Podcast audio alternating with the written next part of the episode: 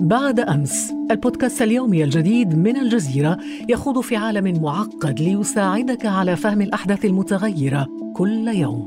دائما ممتع دائما راهن دائما هناك. لا تنتظر حتى الغد واستمع اليوم إلى بودكاست بعد أمس. معي أنا خديجة بن جنة.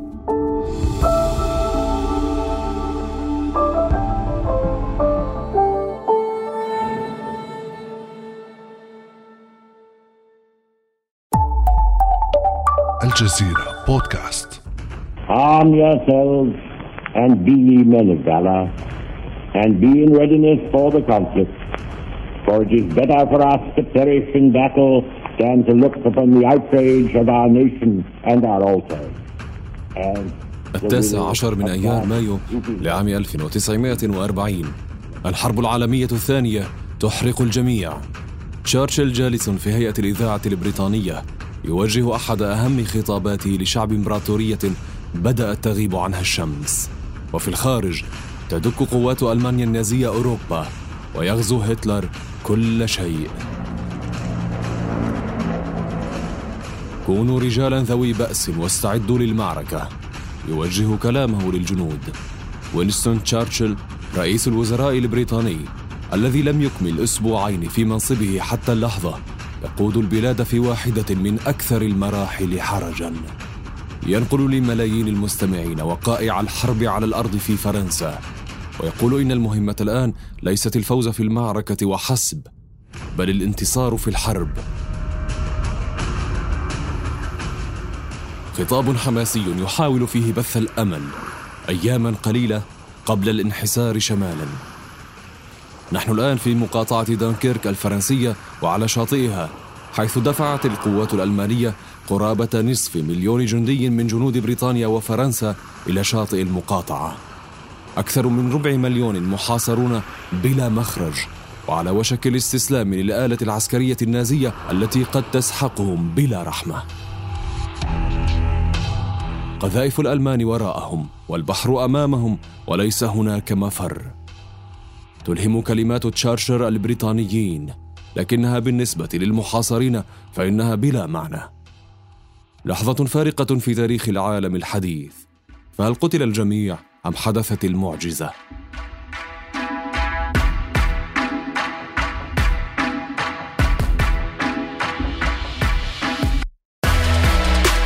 أهلا بكم في هذه الحلقة الجديدة من بودكاست لحظة من الجزيرة.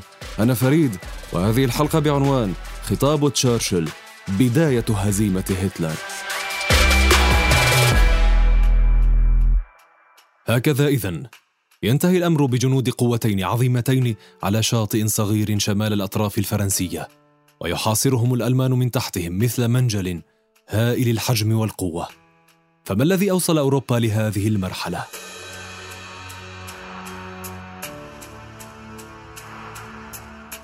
ظلت مطامع ألمانيا في منطقة أوروبا الوسطى حاضرة حتى بعد 22 عاما من نهاية الحرب العالمية الأولى. لكنها ظلت مطامع كامنة حتى أحياها هتلر مرة أخرى. وفي مطلع سبتمبر أيلول عام 1939 وقبل خطاب تشرشل بعام استفاق البولنديون على هدير القوات النازية تخترق حدودهم وأراضيهم. غزو شامل أتى عقب حادث لفقه الألمان على الحدود بين البلدين. كما يروي لنا بول بريستو مدير متحف دونكيرك في مقاطعة كنت البريطانية. Uh, um, uh, دب الرعب في أوصال أوروبا بنكهة ذكريات الحرب العالمية الأولى. ولأنهما علما نية هتلر وأحلامه التوسعية التي لن تتوقف عند بولندا. فقد أعلنت بريطانيا وفرنسا الحرب. وسرعان ما أرسلت بريطانيا قواتها لحليفتها فرنسا تحسبا للخطر الوشيك. ولثمانية أشهر تالية لم تشهد الحدود الألمانية الفرنسية سوى اشتباكات طفيفة فيما عرف بالحرب الزائفة. بينما تركت بولندا الحليفة الثالثة لهما لتواجه مصيرها وحدها كما يقول بول بريستو.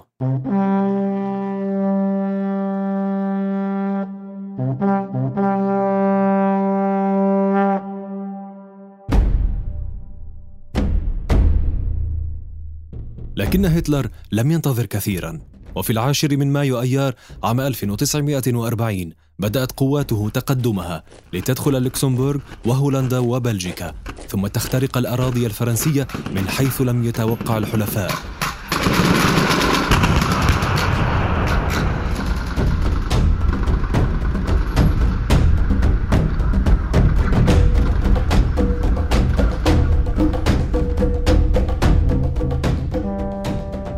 كان الفرنسي موريس جاملان القائد الأعلى لقوات الحلفاء قد أعد الخطة دال سيتحصن جنوده شمال فرنسا لمواجهة القوات الألمانية القادمة من بلجيكا.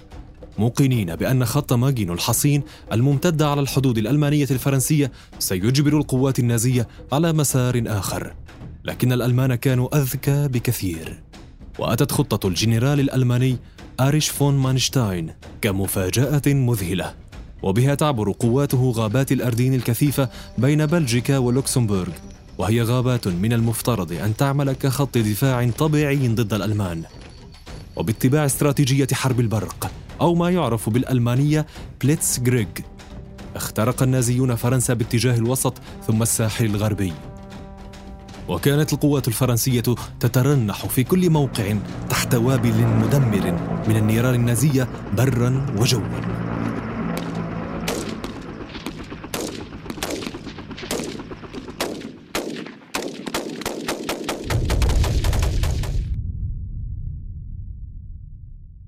وبسرعة وانتظام دقيقين زحف الألمان خلف القوات الإنجليزية والفرنسية ما أجبر الحلفاء على الاتجاه نحو بلجيكا لمواجهة القوى القادمة من الشمال. وفي ذلك الوقت في التاسع عشر من مايو أيار كان تشرشل يوجه أول خطاباته للبريطانيين. وفي اليوم ذاته أعلم مجلس الوزراء في بريطانيا بأن اللورد جورت يدرس احتمالية الانسحاب إلى دانكيرك آخر الموانئ التي يسيطر عليها الجيش الفرنسي.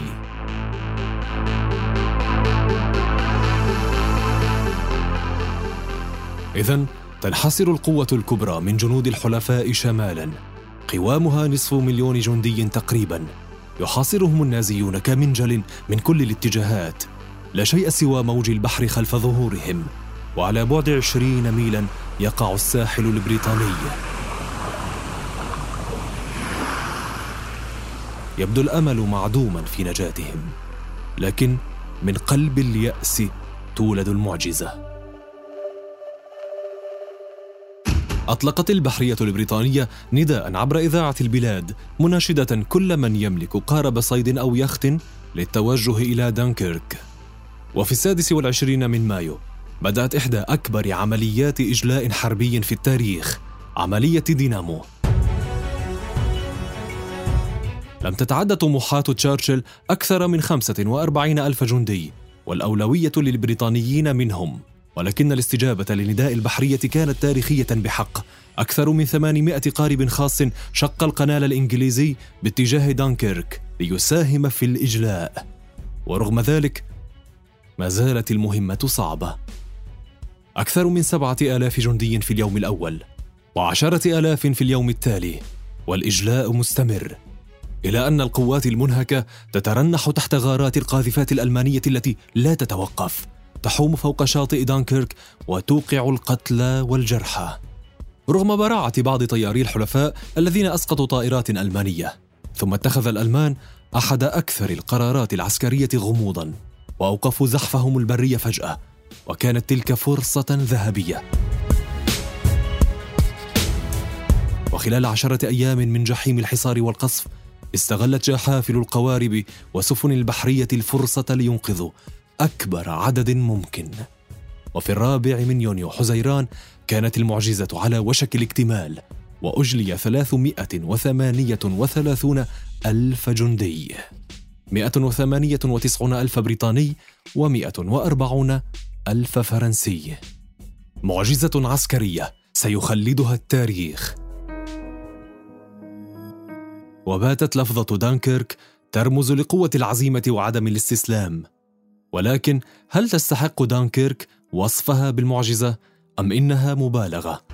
خاصة لو عرفتم أن تسعين ألفا من الجنود بعتادهم وآلاف الآليات قد تركوا في دانكيرك غالبيتهم من الجرحى والفرنسيين آلاف باتوا أسرى وغنائم لدى الألمان يقول بول بريستو السياسي والمختص ومدير متحف دانكيرك في كنت um, إن التكتيكات العسكرية الضعيفة وعدم استغلال القوى البشرية المتاحة لدى الحلفاء قادتهم إلى هذا الحصار من البداية. ولذا يقول البعض إن الانسحاب للميناء الأخير لم يكن قرارا حكيما. لكن بول يعتقد أنه كان قرارا حكيما بالفعل. أما عن توقف الألمان عن الزحف فقد ظلت أبعاده غامضة. هل كان قرار هتلر أم قادة قواته على الأرض؟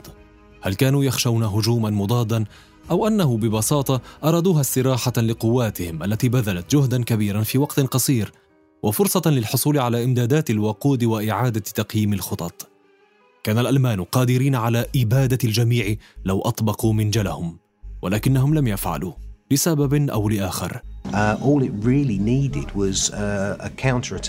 كل ما احتاجته قوى الحلفاء هو هجوم مضاد يخترق قوى الألمان طولا ويفصلهم إلى نصفين لتنقطع عنهم الإمدادات كما يقول بريستو خطاب تاريخي جديد لتشارشل أمام مجلس العموم البريطاني لكنه خطاب مختلف هذه المرة به لمحات أمل لم تكن موجودة أبدا علينا ألا نصف هذا الخلاص بنصر كامل. لا تكتسب الحروب بالإجلاءات يقول تشارشل. ثم يضيف لكن نصرا ما تحقق داخل هذا الخلاص. نصر عزاه لسلاح الجو الملكي الذي تصدى للقاذفات الجوية الألمانية وأمن عملية دينامو حتى نهايتها. سقطت فرنسا بالكامل في وقت لاحق من شهر يونيو حزيران.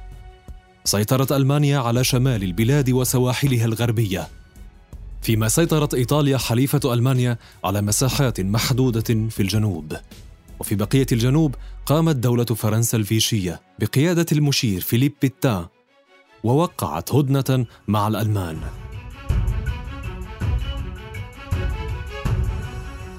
أمنت عملية دينامو سلامة عشرات الآلاف من الجنود الذين سيواجهون ألمانيا ودول المحور لاحقا.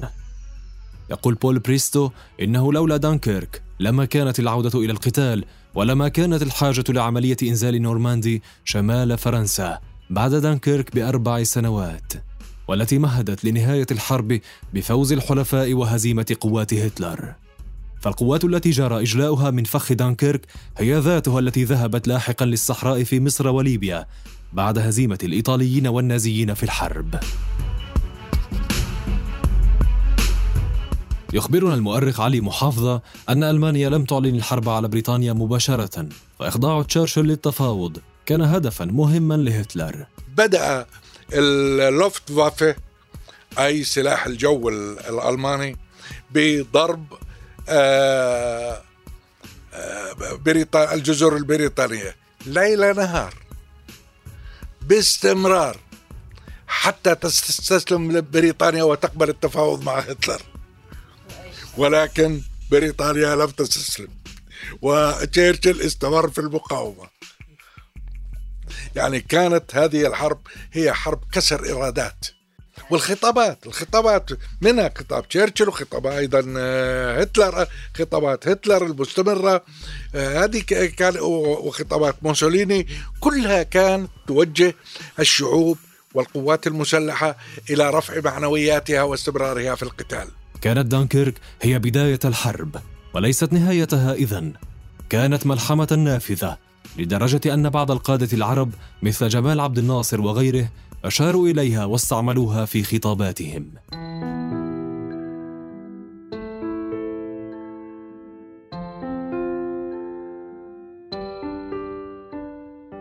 القاهرة يوليو تموز عام 1967 الخطاب الأول للرئيس المصري جمال عبد الناصر الأول بعد نكسة العام واحتلال سيناء. كلنا لو نفتكر أيام الحرب العالمية الثانية نفتكر إزاي الإنجليز نضلوا بعد هزيمتهم في دنكرك. الحرب مش معركة واحدة وتسليم ولكن النضال أكبر من كده. ليستطيع أن يصمد ويثبت ويقاوم يمكن له أن ينتصر. كان ذلك أول استحضار عربي لعملية دانكيرك ودلالاتها على لسان عبد الناصر وتكرر استشهاد عبد الناصر في خطاب آخر في العام نفسه عندما قال إن الانسحاب قد يكون عملية أساسية لرفع المعنويات والتصميم على القتال كما في الحالة البريطانية. ما سموش هذه الهزيمة نكسة. اشمعنى إحنا اللي سميناها نكسة. هل كان ذلك تبريرا لهزائم العرب المتتالية أم أنه يقين بالنصر والتحرير القريب؟ لكنه نصر لم يتحقق عكس البريطانيين الذين انتصروا بالفعل بعدها بمساعدة الأمريكيين. البريطانيون الذين ما زالوا ينظرون لمعجزة دانكيرك بعين الفخر. باتت عبارة روح دانكيرك تعني استعداد الجماعة التي تمر بظرف سيء لمساعدة بعضها بعضا. تعريف كتب في أشهر قواميس اللغة الإنجليزية. كما أصبحت ترمز للتحلي بالقوة البالغة في الظروف الصعبة ورفض الهزيمة والإيمان بإمكانية صناعة المعجزات. معجزات منها دانكيرك التي ستبقى في وجدان البريطانيين والذاكرة البشرية للأبد.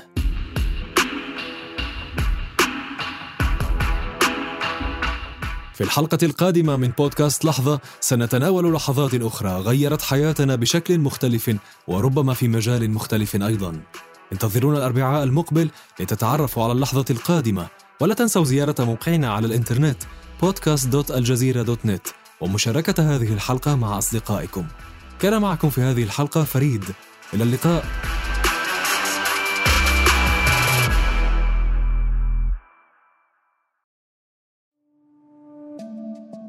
بعد أمس البودكاست اليومي الجديد من الجزيرة يخوض في عالم معقد ليساعدك على فهم الأحداث المتغيرة كل يوم. دائما ممتع دائما راهن دائما هناك. لا تنتظر حتى الغد واستمع اليوم إلى بودكاست بعد أمس. معي أنا خديجة بن جنة.